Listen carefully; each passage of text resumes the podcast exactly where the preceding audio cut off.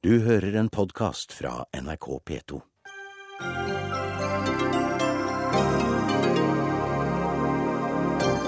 Regjeringen vil gi sykehusene ansvaret for omskjæring av guttebarn. Dårlig idé, sier tidligere leder ved Det mosaiske trossamfunn. Elektrosjokk, avklipping av fingre og seksualisert vold. Human Rights Watch med en ny rapport fra syriske fengsler. Norge vil sende somaliere hjem med tvang. Fortsatt for farlig, advarer NOAS.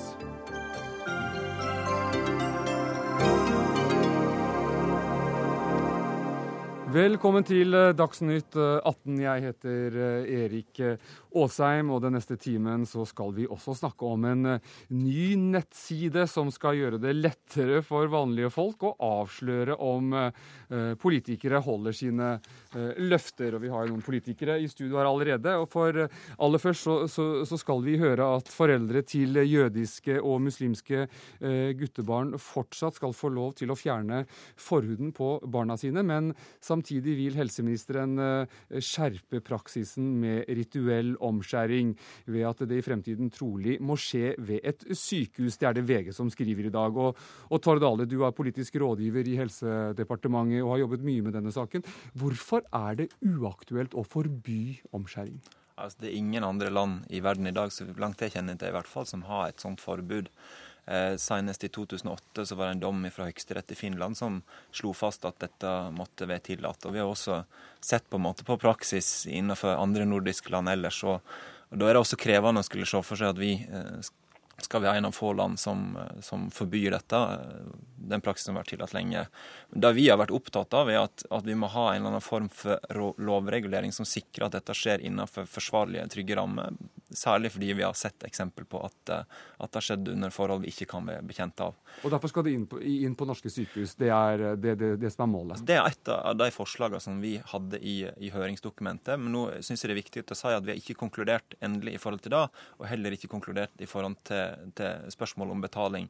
Eh, men vi har sendt et forslag på høring der dette har vært diskutert. Men forbud blir det ikke. Det, der har dere konkludert, iallfall ifølge altså, sjefen din. kan vi lese i VG i dag. Ja, det vil si, det som står i VG, er at du sier at det ser vanskelig for seg at vi skal forby det i Norge. Mm. Eh, og, og, og da må vi jo bare være ærlige på at det er vanskelig å se for seg. Nestleder i Humanitisk Forbund, Tom Hedalen. Dere er noen av dem som har tatt til orde for et forbud mot omskjæring før myndighetsalder. Hvorfor det?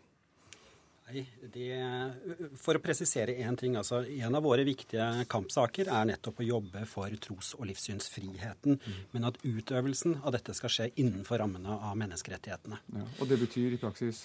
Det betyr at vi mener at barnet i dette tilfellet her, Dette er en vanskelig sak for Human-Etisk Forbund, hvor vi har måttet avveie ting opp mot hverandre. Men vi har landa på at her er det den svakes partsrett vi må ivareta, og har landa da på at eh, så lenge du er umyndig, så bør eh, Altså man bør søke samtykke.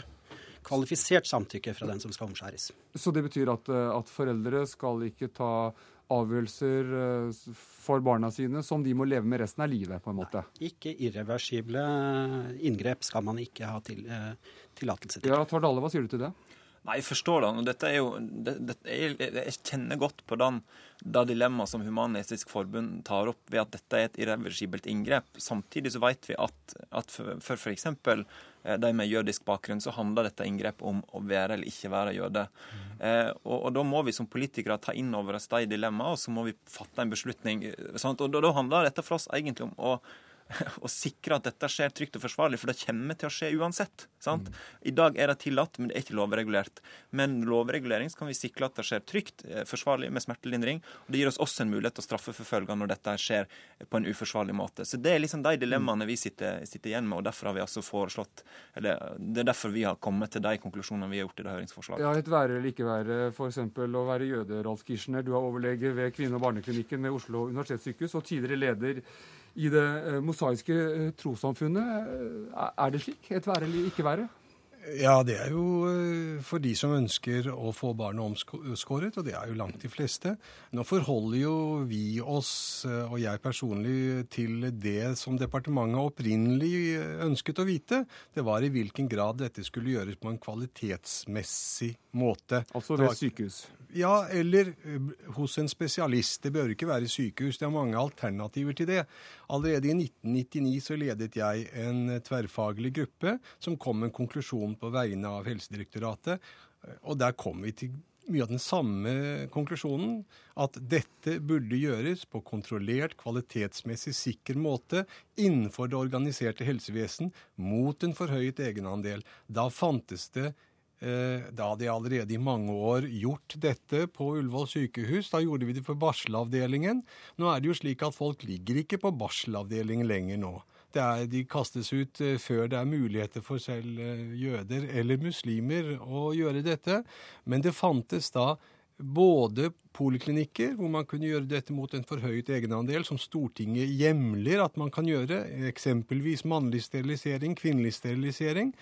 Eh, vi i Det mosaiske trossamfunn har ingen problemer, for vi er såpass få. Vi har vår egen organisasjon, vi har vår egen prosedyre.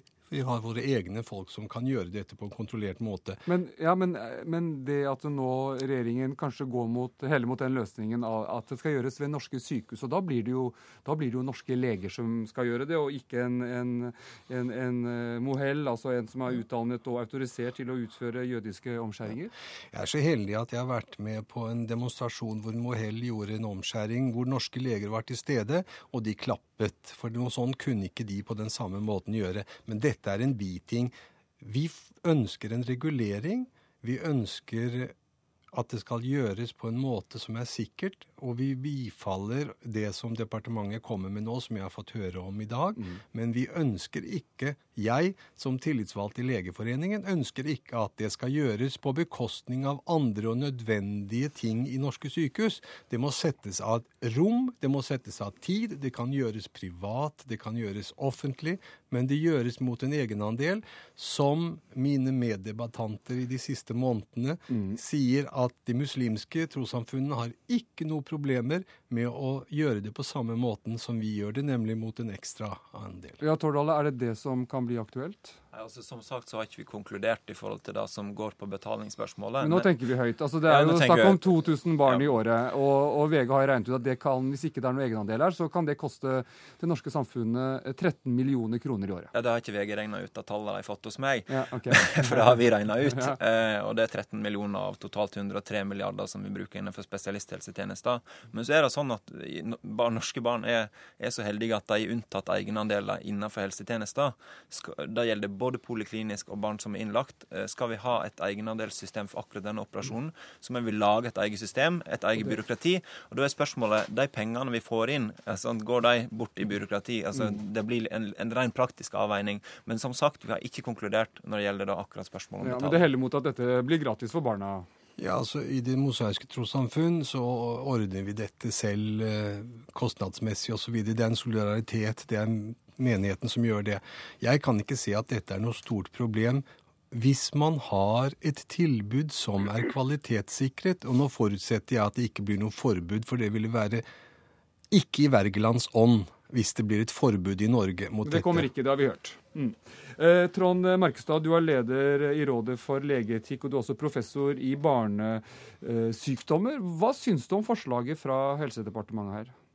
Eh, for det første, det som Rådet for legeetikk har pekt på, eh, som er det vanskelige her, det er at det er et inngrep som gjøres uten medisinsk indikasjon på et barn, altså uten samtykke og med en viss fare for komplikasjon. Det bryter med helt basale medisinske etiske prinsipper. Men vi har ikke ønsket et forbud av to grunner.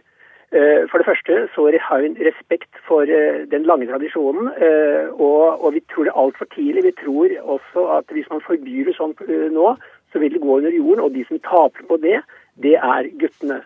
Men, og vi har støttet departementet på at det må, det må lovreguleres på den måten at det må stilles kvalifikasjonskrav både til de som utfører det, og hvilke prosedyrer som skal følges. Bl.a. at det gis tilstrekkelig anestesi.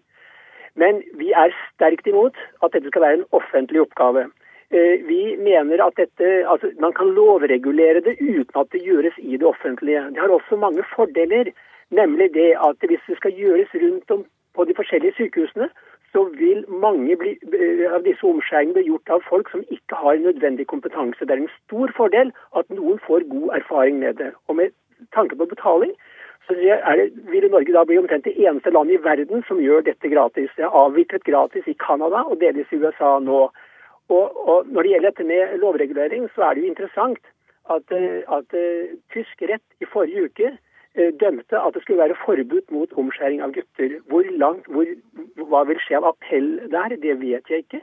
Men jeg vil også peke på det at jeg var på et seminar om dette forrige uke i Holland. Og Den som gjør alle omskjæringene for jøder i Holland, han sa at det var ikke noe krav for jødene, og at nå er det stadig flere jøder som lar være å omskjære sine barn. slik at jeg tror at vi, jeg håper at det kan skje en grasrotbevegelse på, på grunnplanet, at det blir, dette blir mindre aktuelt etter hvert. Så Siden du trekker fram disse eksemplene, Markus, da, så, så, så, er du jo veldig skeptisk til, til praksisen ved, med omskjæring? Ja, altså, eh, Sånn som det er nå, kan vi ikke ha det. Det at det skjer i, uten regulering. Vi, må, vi mener det må skjes av kvalifisert personale. Det må være lege som sikrer skikkelig anestesi. Ja. Men egentlig i bunn og grunn så er dette veldig i strid med det vi på en måte oppfatter som medisinsk forsvarlig, altså medisinsk etisk forsvarlig ut fra dette at det skjer på gutter uten samtykkekompetanse. Og det skjer faktisk dødsfall rundt omkring, og det skjer komplikasjoner. Jeg har selv omskåret mange barn i USA og Canada. Og jeg har sett mange komplikasjoner, og det skal man ikke underslå. Ja, og Tidligere i år så døde en to uker gammel baby her i Norge etter et slikt uh, inngrep, Tordale. Det er ingen spøk? Nei, det er absolutt ingen spøk, og det viser bare hvor vanskelig en sånn sak er. Og jeg er veldig enig med det Markestad sier. Det er etisk krevende. Og, vi, og jeg syns sjøl òg det er veldig vanskelig å skulle på en måte forsvare at vi nå skal si at vi skal lovregulere dette. Men jeg tror nok, jeg lytter veldig til de innspillene som kommer både fra Markestad og andre her, i forhold til at vi må altså, Ja, da, ja sier jeg, vi trenger å ha tydelige, en tydelig lovregulering av dette. Dette, og Så må vi ta diskusjon om egenandeler, men så, så, kan vi også samtidig jobbe for, eh, for, at vi kanskje får en reduksjon i en praksis som vi, vi opplever som litt uheldig. Ja, Markestad. Jeg vil også påpeke det at synet på barn har endret seg betydelig. Eh, jeg har selv eh, barnelege med nyfødtmedisin, og det er ikke så veldig mange år siden vi gjorde mange prosedyrer som vi etterpå vet at er smertefulle. Det er blitt mindre og mindre aksept for å gjøre prosedyrer på barn som kan være smertefulle. Selv med anestesi så medfører omskjæring smerte i mange dager etterpå.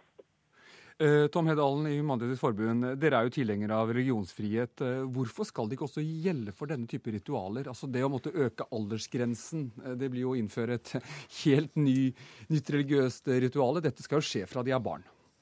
Ja, det, vi ser det. Og det, det, vi vil på en måte poengtere, er at foreldrene har ansvaret for barna sine, men de eier det ikke.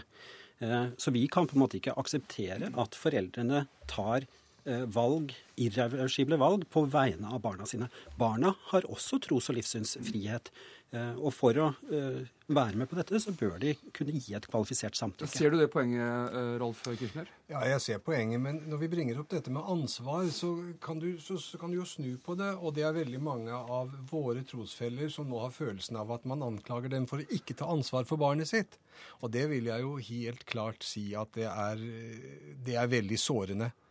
Eh, alle disse erfaringene som Markestad og andre trekker opp i negativ lei, kan jo jeg godt trekke opp i positiv lei og, og, og, og, sitere en masse litteratur som sier hvilke medisinske fordeler det er for et guttebarn å være omskåret i andre deler av verden enn i Norge. Mm. Men Norge er eh, Norge, og det er, det er bare å si det. Og det vet Markestad like godt som meg. Vi må sette punktum for denne runden. Vi, eh, Tordale i Helsedepartementet, helt kort til slutt. Når kommer det den endelige avgjørelsen i forhold til hvem som skal betale, og hvor det skal skje? Nei, Nå går vi gjennom høringsforslagene, og så skal vi eh, jobbe med denne saka. Lytte til de innspillene som også kommer her i dag, så skal vi eh, finne en god konklusjon. Takk til deg, og også til Rolf Kirchner, tidligere leder av Det mosaiske trossamfunn, og til Tom Hedalen, nestleder i Human-Etisk Forbund, og til Trond Markestad på telefon, som er leder i Rådet for lege etikk. Hør Dagsnytt 18 når du vil, på nettradio eller som podkast. nrk.no – dagsnytt 18.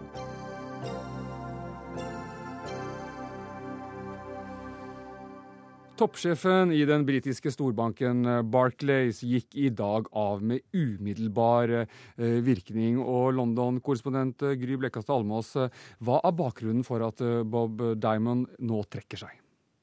Det har kommet enormt press mot ham eh, den siste uka etter at eh, banken eh, forrige uke ble tatt i å ha manipulert en viktig styringsrente og fikk en bot på 2,7 milliarder kroner for det av tilsynsmyndigheter i Storbritannia og USA.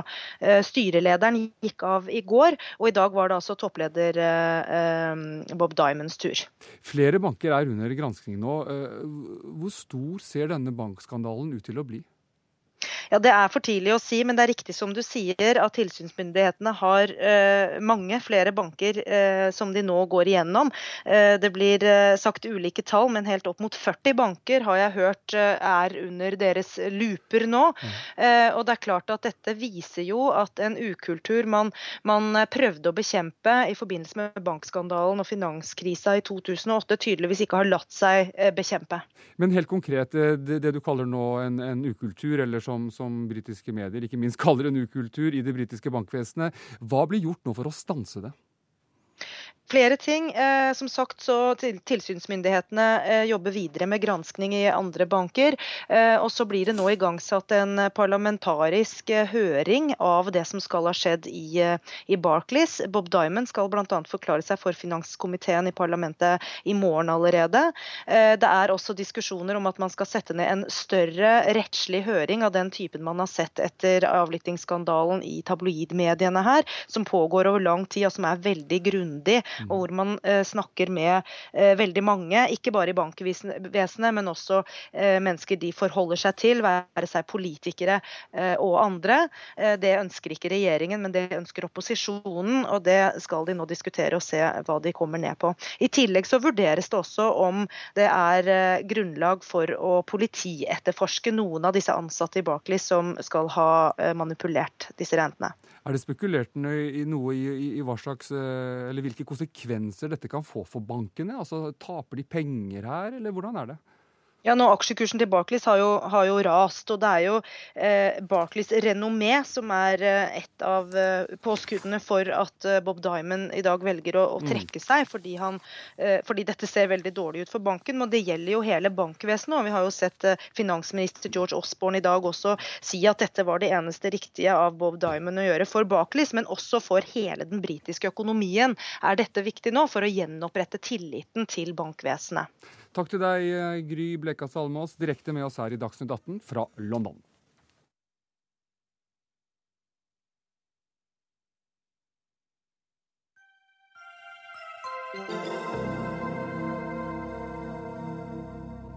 Så skal vi eh, til Syria. Siden mars i fjor har eh, nesten 13 000 men mennesker mistet livet. Og i dag kom en ny rapport som, eh, som dokumenterer utstrakt bruk av tortur. Jan Egeland, du er europadirektør for Human Rights Watch. Det er dere som har laget denne rapporten. Hva er det som i hovedsak kommer frem? Ja, vi har hatt et team av etterforskere nå i ett år som har gjort over to 100 intervjuer med avhoppere, desertører, eh, torturofre, vitner, eh, øyenvitner til det som har skjedd. Og de har dokumentert et enormt eh, tortur- og undertrykkelsessystem som drives av de fire etterretningstjenestene i Syria på direkte ordre fra topplanet og tusener på tusener går da gjennom dette, disse 27 eh, tortursentrene som vi har dokumentert og plassert på kart med detaljer om hva som skjer, og i tillegg hvem som er eh, individuelt ansvarlig for å gi ordrene for å overvåke hele systemet. Vi har et par eksempler her fra, fra, fra Syria som vi har klippet fra eh, rapporten. Da, altså Folk som dere har intervjuet. Vi skal høre eh, opplevelsene her. De startet med tenger mot fingrene mine. Så satte de stifter i fingrene, i brystet og i ørene mine. Jeg fikk bare ta dem ut hvis jeg snakket. Stiftene i øret var de vondeste. De brukte to ledninger koblet til et bilbatteri for å gi meg elektriske støt. De brukte elektrosjokkvåpen, stunguns mot kjønnsorganene mine, to ganger. Jeg trodde aldri jeg skulle se familien min igjen. De torturerte meg på denne måten tre ganger på tre dager.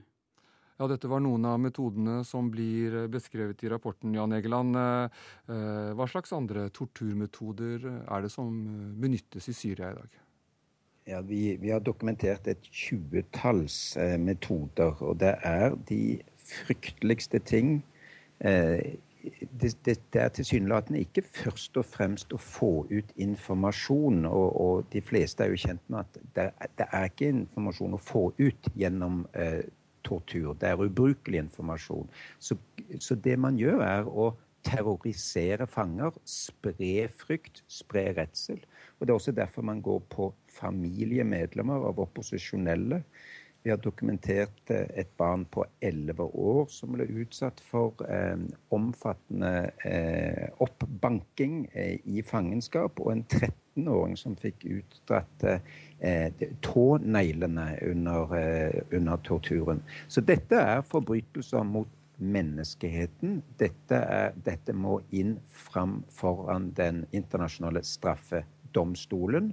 Eh, og hele poenget med denne enorme dokumentasjonen vi legger fram, altså tusener på tusener av data, det er å, å sende eh, beskjeden til regimet. Vi følger alle deres skritt, og dette blir bevismateriale når dere skal stilles for retten. Men hvordan fikk dine folk tilgang til, eh, til landets fengsler på den måten?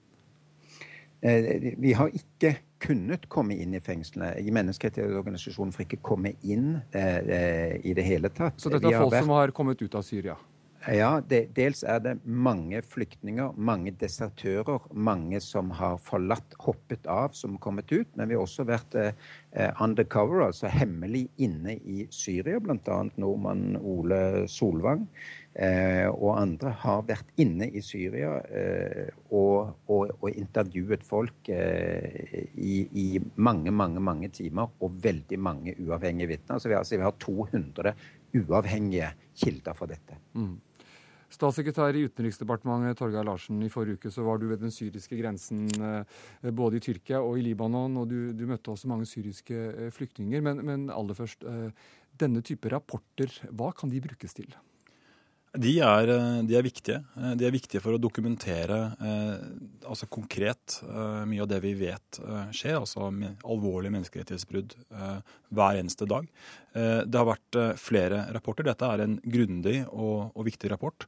Og som Jan Egeland selv sier, dette er materiale som, som dokumenterer hva som har skjedd, og slik at det ikke glemmes og kan brukes når vi håper at eh, dette skal forfølges en gang i framtiden. Hva slags historier fortalte de syriske flyktningene du møtte deg?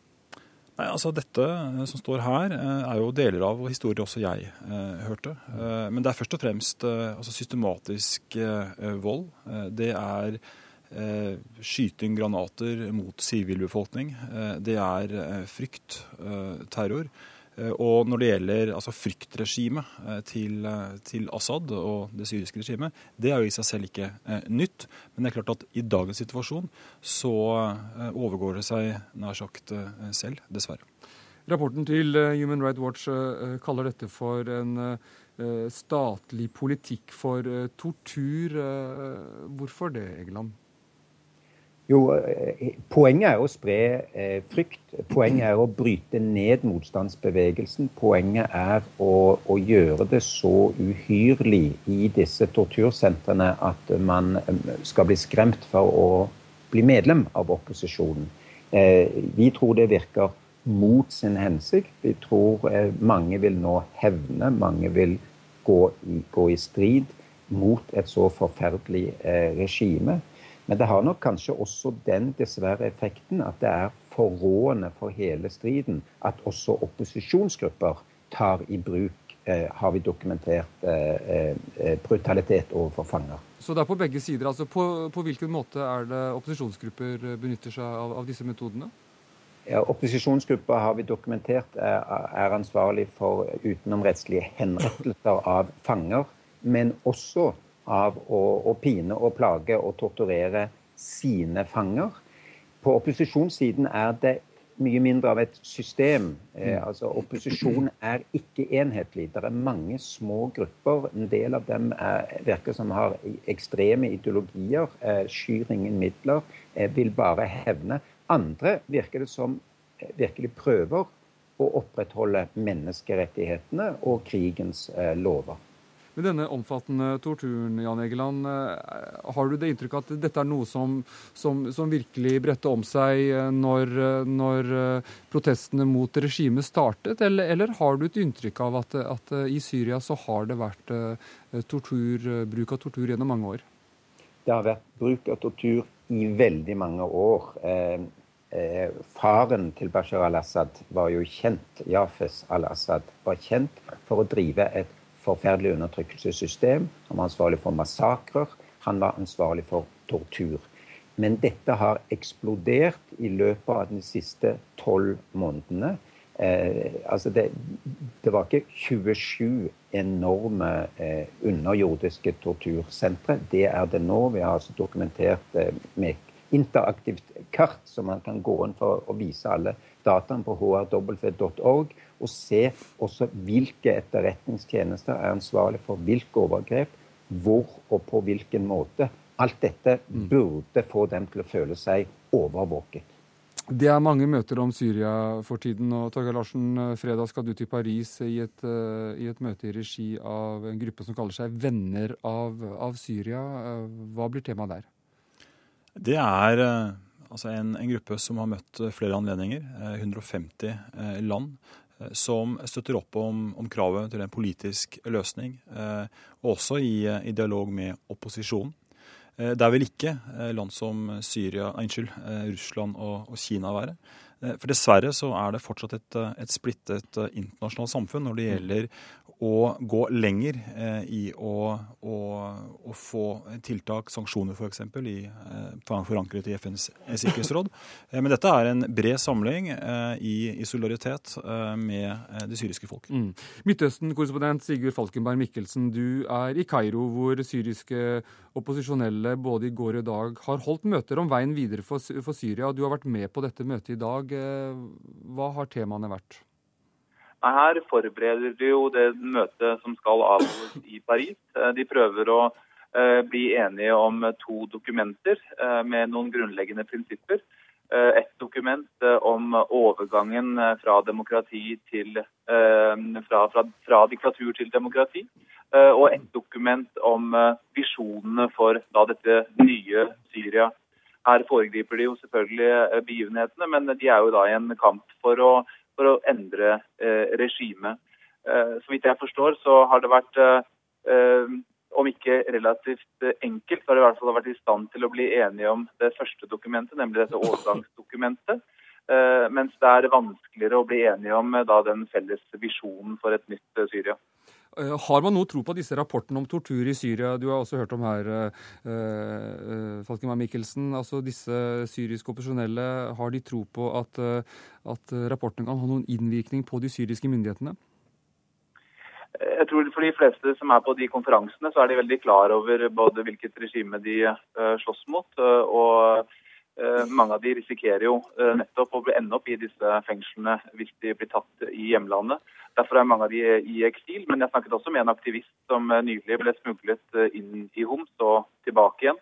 Så Noen av de er i nærkontakt med Syria, andre er de ikke. og Det er jo et problem. Eh, når det gjelder disse rapportene, så er nok de kanskje sånn i første omgang nyttigst for det internasjonale samfunnet for å kaste lys på det som foregår.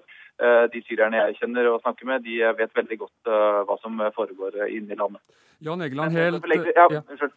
Kom igjen. Ting, så, så, er det jo også, også et, et, problem som jeg også snakket med dem om, nettopp om dette da, forrådelsen av konflikten. og og at overgrepene sprer seg til begge sider. og Det de politiske grupperingene sier, er at de prøver å, å hindre dette.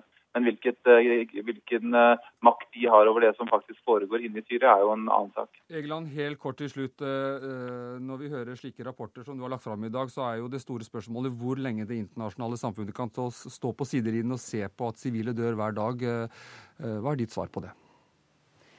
De kan ikke stå på sidelinjen lenger. Vi må få en enhetlig sikkerhetsråd som i alle fall begynner med våpenboikott og sanksjoner mot alle de som vi har dokumentert er ansvarlig for de ufatteligste overgrep, og herunder også få saken fram for Den internasjonale straffedomstol. Takk til deg, Jan Egeland, europadirektør i Human Rights Watch, og til deg, statssekretær i Norsk UD, Torgeir Larsen, og til Sigurd Falkenberg Mikkelsen i Egypt.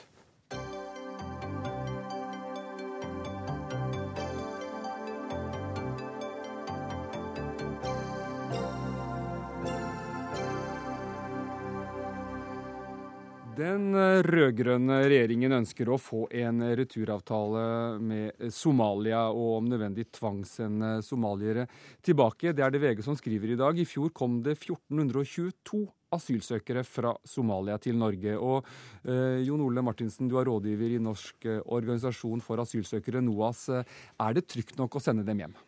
På nåværende tidspunkt så er det overhodet ikke trygt. FNs høykommissær for flyktninger er soleklar i sine anbefalinger og fraråder enhver retur til Sentral-Somalia og til uh, Sør-Somalia. Å returnere mennesker til disse områdene i dag vil være å gamble med folks liv. Ja, Statssekretær i Justisdepartementet Pål Lønseth, hvorfor mener dere at det nå er forsvarlig å tvangsutsende somaliere?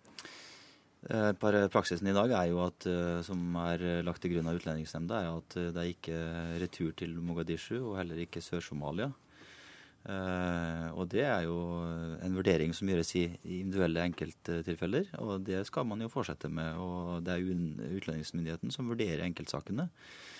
Men det er viktig å ha en avtale i bunn, uh, og prøve å få til en avtale i bunn som legger til rette for en frivillig retur på sikt, og eventuelt en mulighet for tvangsretur for de som ikke forholder seg til en frivillig retur.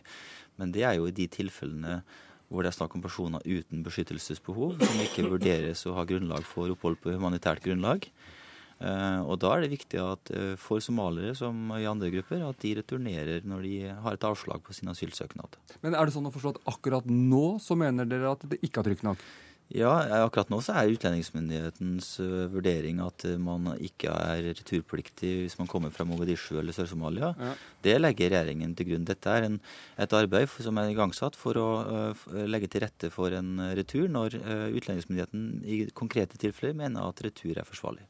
Det at dere nå da, altså da både jobber med returavtale med Eritrea, som har kommet fram tidligere, og har altså veldig høyt fokus på dette med returavtaler til de landene som FNs høykommissær for flyktninger er soleklar i sin anbefaling på at man har behov for beskyttelse.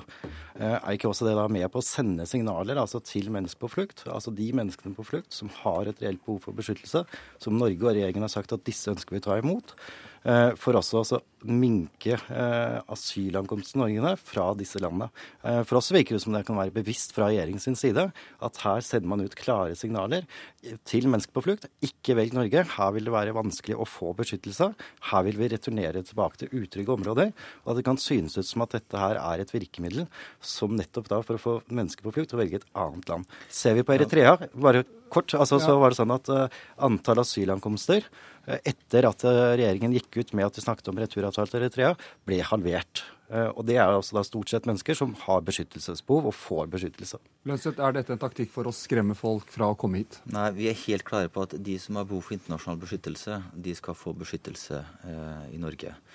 Eh, men da, for å eh, klare det og ha en skikkelig behandling av de som trenger eh, beskyttelse, og integrere de godt, de som får et ja, så må vi også ha en politikk for de som får en nei.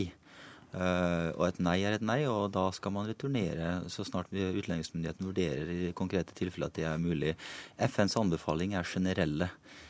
Vi har individuelle, konkrete vurderinger på enkeltsaker. Og vi lytter til FNs anbefalinger, men de er også generelle, mens utlendingsmyndigheten vurderer det individuelt. Og da kan det være forskjeller fra sak til sak. Du møtte den somaliske innenriksministeren sist uke. Hva sa han til deg? Nei, Vi hadde en, eh, et godt møte.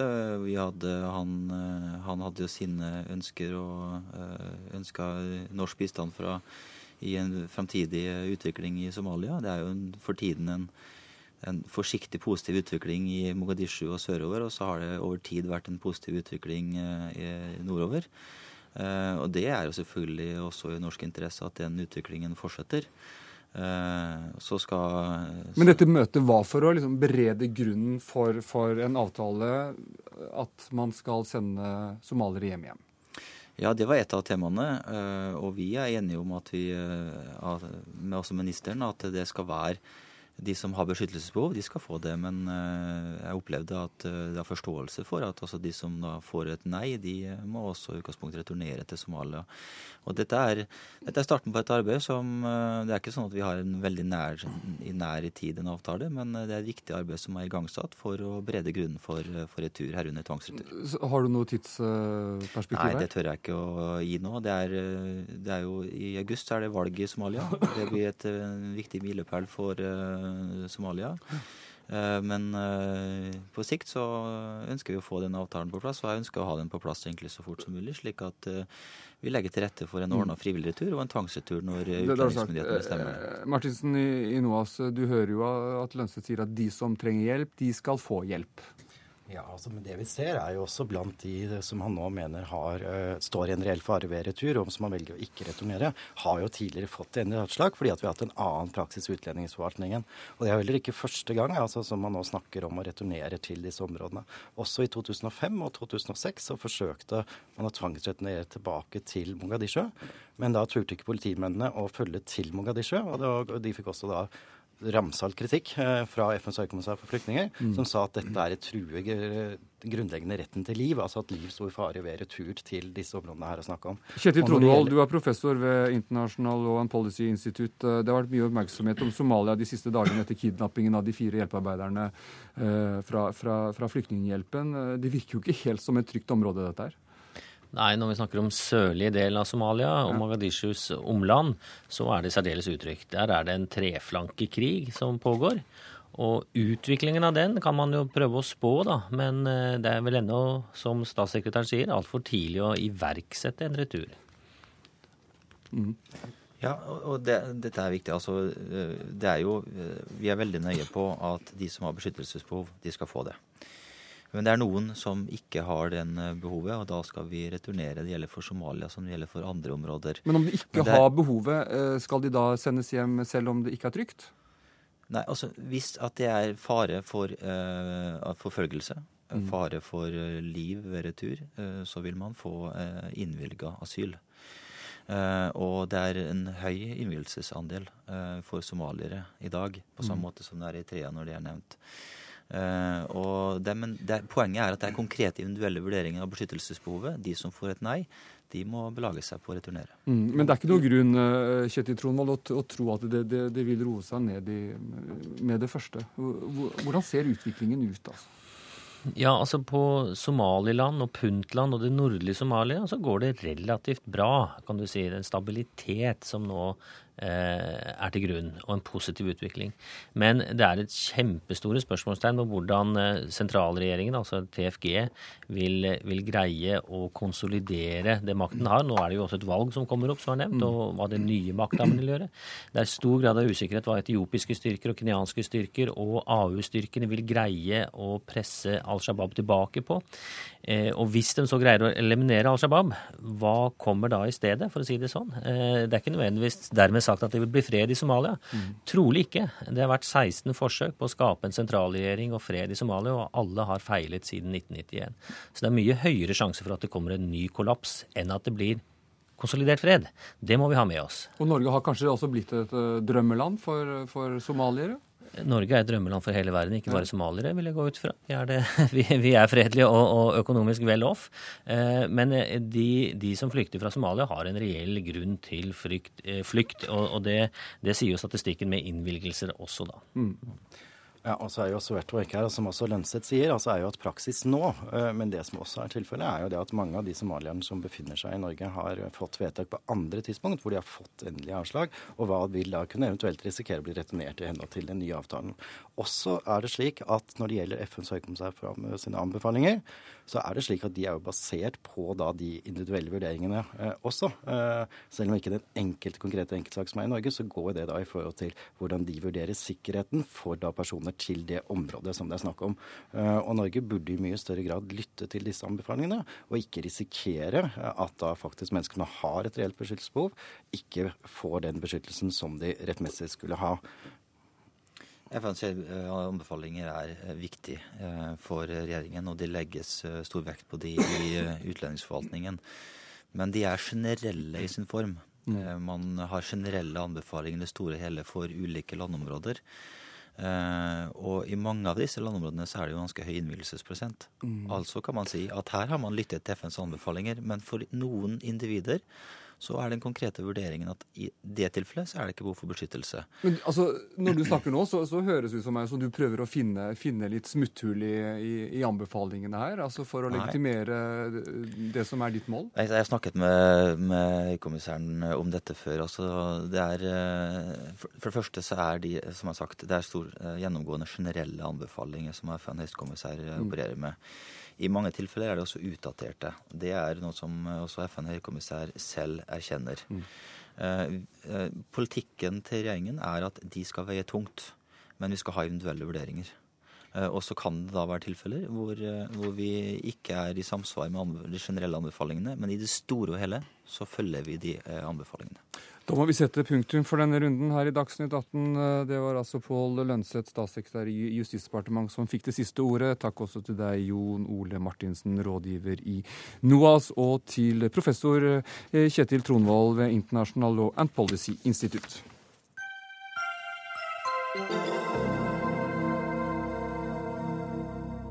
Så skal vi til uh, verdenslansering uh, som spillere verden over har ventet på vel i tre år. Uh, den, norske, norske spillegiganten Funcom, Funcom lanserer i dag online-spillet The Secret World.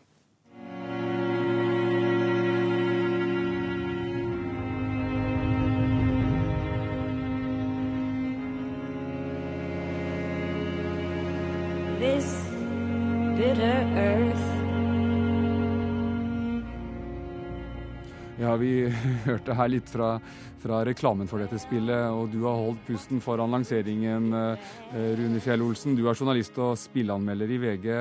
Hva er det ved dette, dette spillet som, som, som, har gjort at det har vært verdt å vente på det i tre år?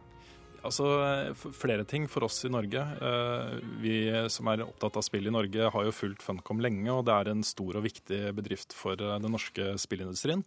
Eh, det er den eneste, har lenge da vært den eneste store norske spillselskapet internasjonalt. Mm. Så når de kommer med en så stor lansering, dette er jo en gigasvær lansering også på internasjonalt eh, nivå, eh, så, så følger man jo det tett. Det er også innenfor en sjanger som, som, er veldig stor og populær. Og det de prøver å gjøre, er jo å tilføre en del nye Eh, elementer i den sjangeren. Eh, så det har jo gjort at interessen har vært ganske stor eh, i dette miljøet. Men, men, for folk som ikke har spilt så mye online, denne type spill, The Secret World, altså hva er det det dreier seg om? Dette er, Utgangspunktet er at, at alle myter, alle legender viser seg å være sanne, eller de infiltrerer da den virkelige verden. Online-spill er gjerne satt til fantasiverdener.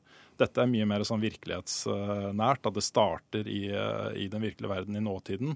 Eh, og så får du da en rolle, rollen din er da å kjempe mot eh, eh, alle disse monstrene som plutselig dukker opp. Så ja.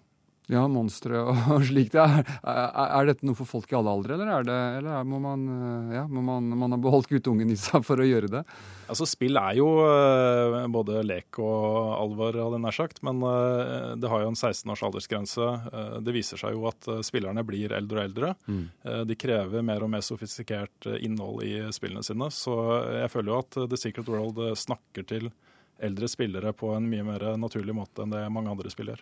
Du skrev på vg.no i går at dette kunne bli himmel eller helvete. Hva er dommen din i dag etter at eh, spillet nå er ute? Det er for tidlig fortsatt. Eh, det man kan si er at de har hatt en ekstremt og uventa eh, vellykka lansering. Få tekniske problemer. Ting funker. Det virker som om folk koser seg veldig med dette spillet. Uh, men det er jo først om en tre, fire, fem uker, kanskje et par måneder, uh, man begynner å se hvor lang levetid dette spillet har. Mm. Men jeg er forsiktig optimistisk nå, i hvert fall. Dette er jo et norskprodusert spill. Altså hvor, hvor, viktig er dette for, for, for lille Norge? Det er viktig. Eh, spill som, som eh, medium og kulturformidler er jo, vil jeg si, noe av det mest spennende innenfor for kultur akkurat nå. Det skjer masse, og det å ha en så stor aktør og så, så viktig flaggskip er viktig for andre norske spillselskaper. Nå ser du at det, det spirer og gror. Det kommer masse gode selskaper opp nå. Jeg tipper at mange av de er inspirert av suksessen til Funcom. Hvor mange over hele verden er det grunn til å tro kan, kan komme til å spille et slikt spill? Eh, vanskelig å anslå. Eh, jeg vil i hvert fall tippe at det potensielt har eh, flere hundre tusen mulige abonnenter. Kanskje så mange som flere millioner, for det er i hvert fall mange mange titalls millioner spillere som spiller denne typen spill hver eneste dag. Men uh, dette er vel et spill som uh, iransk ungdom aldri kommer til å få leke seg med. For, for, der skal nye dataspill være med på å fremme muslimske og nasjonale verdier. Myndighetene støtter bl.a. et spill som heter 'Det stressende livet til Salman Rushdie' og implementeringen av dommen hans, som går ut på å drepe den indiske forfatteren Salman Rushdie. som kjent så skrev han i 1988 boka 'Satan' koraniske vers og fikk da fatwa på seg eh, eh, fra den daværende lederen Ayatollah Khomeini og mediesosiolog eh, Sharam Al-Ghashi. Er dette et spill eh, som unge iranere lengter etter å få? Eh, nei, langt ifra. Også det er et spill som burde forstås som ikke et spill, men som et brikk i en sånn type kan du si, geopolitisk og kulturell krigsføring mm. som foregår mellom kan du si, Vesten og Iran. Og i denne, sammenhengen, denne sammenhengen så er faktisk Rushdie-saken ganske viktig, viktig symbolikk som ligger i denne saken. Og man skal ta en spade for en spade. Altså, Rushdie er ikke så viktig i denne sammenhengen. Det som er viktig, er at iranere bruker anledningen, eller enhver anledning, og særlig, særlig etter 11. september 2001 for å understreke at de er en sånn type flaggbærere i den inngående kulturelle krigsføringen mot Vesten. En av disse elementene er naturligvis dataspill, som vi har vært vitne til at etter 11.9. Det blir flere og flere amerikansk dataspill med veldig mye fokus på amerikanske soldater som representerer gode, som drar til Midtøsten og bekjemper ondskapen. Mm. Og det er noe som er veldig vanskelig for iranere å takle. Ikke bare iranere, men muslimer. Iransk ungdom vil i utgangspunktet være veldig, veldig lite interessert. Fordi de ser på en måte absurditeten i sånn type selvforståelse iranske regimet prøver å påberope seg i denne sammenhengen. Men eh, det vil være interessant å se i resten av Midtøsten, fordi faktumet er at iranske regimet med Ahmedinejad, altså presidenten i spisen, mm. um, nytter en god oppslutning nettopp fordi de er en sånn type representant for de svake som er i krig mot amerikanerne i mm. området. Men nå er det altså et, et spill som, som, utvikles da av iranske myndigheter, iallfall de som kanskje er, er bestillerne her, hvor Salman Rushdie Rushdie er, er, er, er hovedfienden. Mm. Eh, det, er, dette en type måte å, å, jobbe på som iranske myndigheter har, har, gjort i lang tid? Har de laget andre spill? De... Eh, nei, altså Rushdie-saken, en ting som på en måte er lite kommunisert i bl.a. Norge, er hvor vanskelig Rushdie-saken har vært også blant iranere. Det er ikke slik at samtlige iranske politikere har gått inn og sagt at nå skal vi dra og drepe Rushdie. Altså, det er en ganske omfattende dynamikk, særlig, særlig for 20 år tilbake. Eh, særlig før 11.9., som har vært veldig gjeldende i iranske samfunn. Sånn at ulike politikere og ulike, ulike, posisjoner som har posisjonert seg på ulike måter i forhold til Rushi-saken. Mm. Det som har skjedd nå, og igjen jeg vil understreke den geopolitiske, kulturelle betydningen av slike handlinger, f.eks. lager som dataspill, er nettopp å fortelle hele verden at vi er flaggbærere. Mm. Uh, Rushdie-saken var uh, på en måte mange iranske politikere i 90-tallet befant seg i en veldig pinlig posisjon. Men det som har skjedd nå, er at de som har vært mest reaksjonære, mest radikale kan du si, over styringen, og de på en måte definerer iranske hegemonien på nytt. Og i denne sammenheng vil Roshi-saken være veldig viktig symbolikk å referere til. Men altså, du, du, du kalte det akkurat en, en kulturell uh, krigføring mot, uh, mot Vesten. Men, mm. men, men i hjelper det, da? Som, altså, du, du, sier jo samtidig at iransk ungdom kanskje ikke biter på her. at det er ikke det de vil ha. Nei, fordi iransk ungdom altså Det er en ting som er veldig veldig interessant. Det er ikke noe som iransk regime har monopol på når det gjelder kulturkritikk. Mm. Når det gjelder, altså, vi vet f.eks. fra 70- og 80-tallet Det begynte, det er en sånn tradisjon vi har i uh, samfunnsvitenskapelig sammenheng. For eksempel, man begynte å analysere for eksempel, filmer som Rambo mm. eller Top Gun. Altså, det er mange kulturradikale i Vesten som har bedrevet sånn type analyse. Hva slags budskap hva slags ideologisk budskap som ligger i slike filmer mm. som vi blir servert. Og iranere, som både iranske regimer og ellers iransk ungdom, er veldig godt vitne, altså godt uh, bevisste i forhold til sånn type kulturkritikk som har eksistert i Vesten siden 60-tallet. Det vi opplever nå i dag, når det iranske regimet, i hvert fall er at vi har en sånn syntese av denne kulturkritikken som har vært eksisterende i Vesten siden 60-tallet, med sånn type mm, islamsk ideologisk etiske verdigrunnlag som på en måte blir, blir servert. Og det er noe som er veldig vanskelig for iransk ungdom å identifisere seg med. Mm. Og nå kommer altså da spillet i regi av iranske myndigheter, eh, hvor målet er å drepe Salman Rushdie, Rune Fjell-Olsen.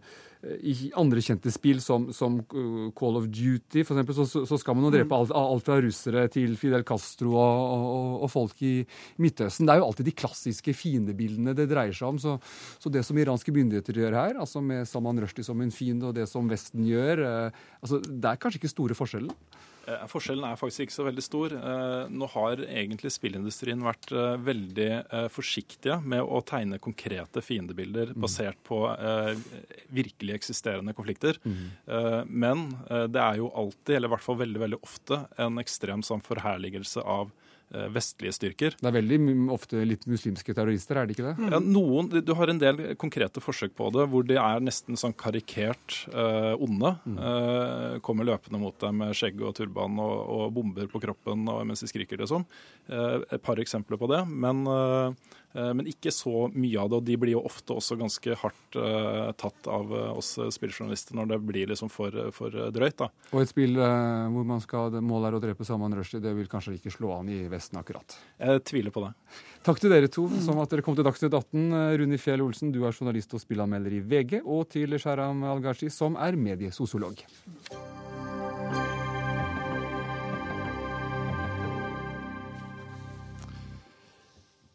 Fram til eh, valget neste år eh, så skal det bli lettere å avsløre om politikere faktisk holder det de lover. Eh, en ny nettside skal gi deg oversikt over hva som har blitt sagt i både valgprogram og ikke minst stortingsdebatter, og kanskje er debatter her i Dagsnytt 18 nå. Jeg vet ikke. Er det et av målene, Daniel Riis? Du er gründer og en av initiativtakerne til nettsiden holderdeord.no.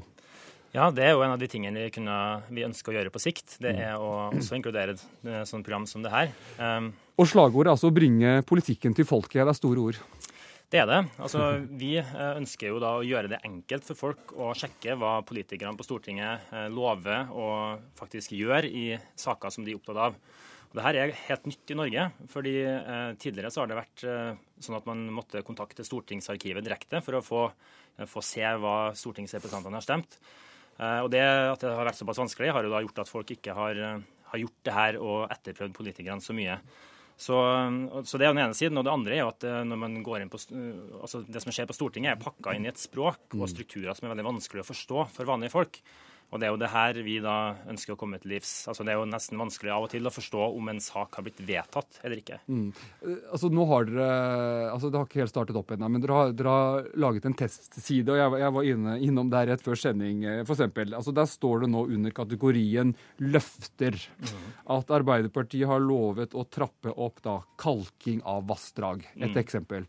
Uh, hvordan skal dere følge opp den saken da? Altså Rent konkret, altså hva blir veien videre? Altså Et løfte står skrevet, og så hva skjer videre?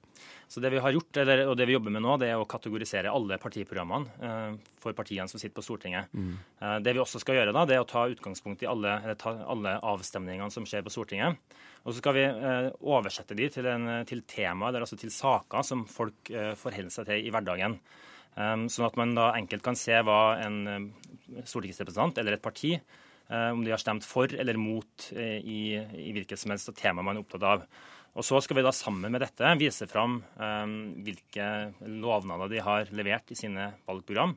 Og Da kan jo folk, da når de har løftene på den ene siden og eh, oversikten over avstemningene og, eh, på den andre, eh, gjøre seg på en mening da om ok, synes de det her er, godt nok, er det i tråd med det som eh, politikerne lover. Så om litt så kan man altså finne ut om, Arbeid, om Arbeiderpartiet faktisk holdt løftet sitt og, og, og kalket eh, vassdrag. Det, stemmer. Ja. Akkurat. Så det er bare å følge med. Det er bare å følge med. Men, men, men de må love det i stortingssalen. altså Det må være snakk om, eh, snakk om uh, politiske vedtak, ikke sant? Ja, det stemmer. Altså Vi forholder oss til alle avstemningene som, Ja. som skjer på Stortinget. Uh, Sjefredaktør i Dagsavisen, Kaja Storvik. Uh, dette syns du er en god idé. Hvorfor det?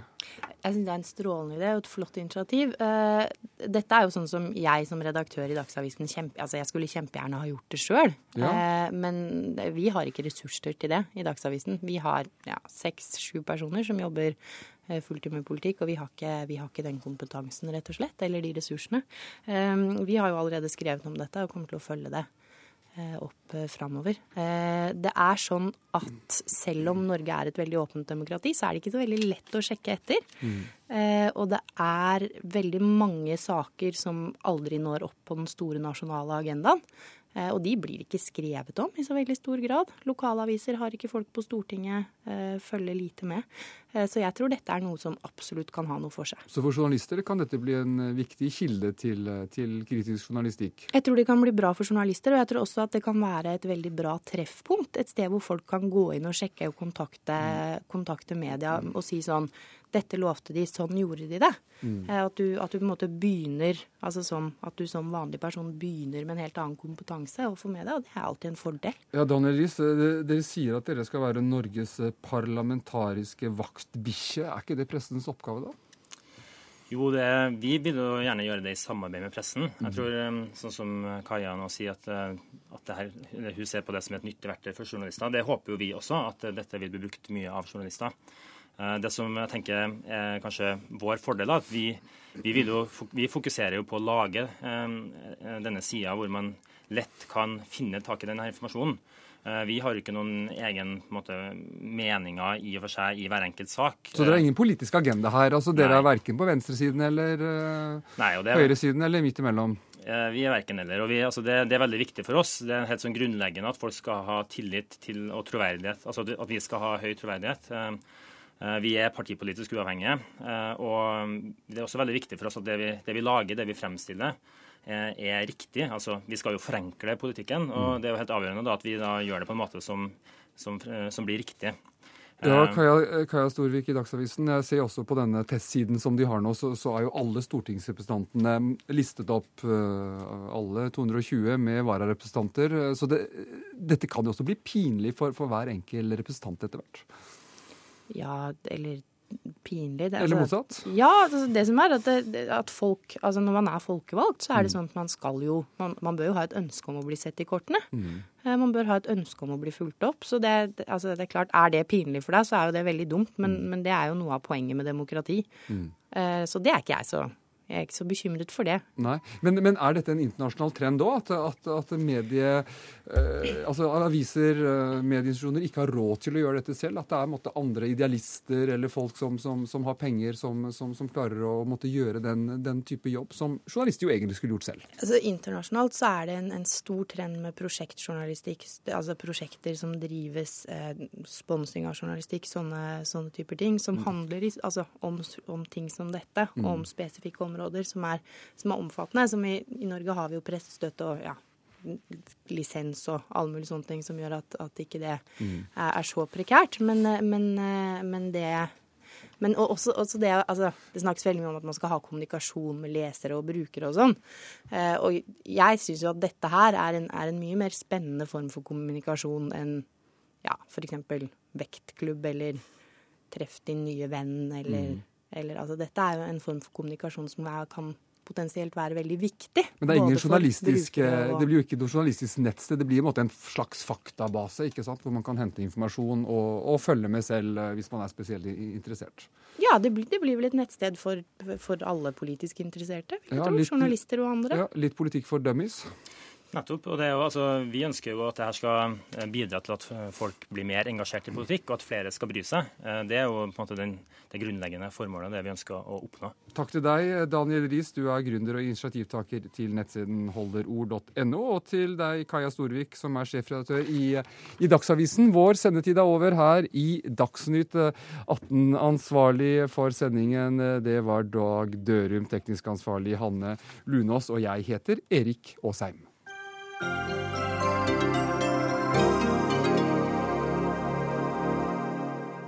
Du har hørt en podkast fra NRK P2.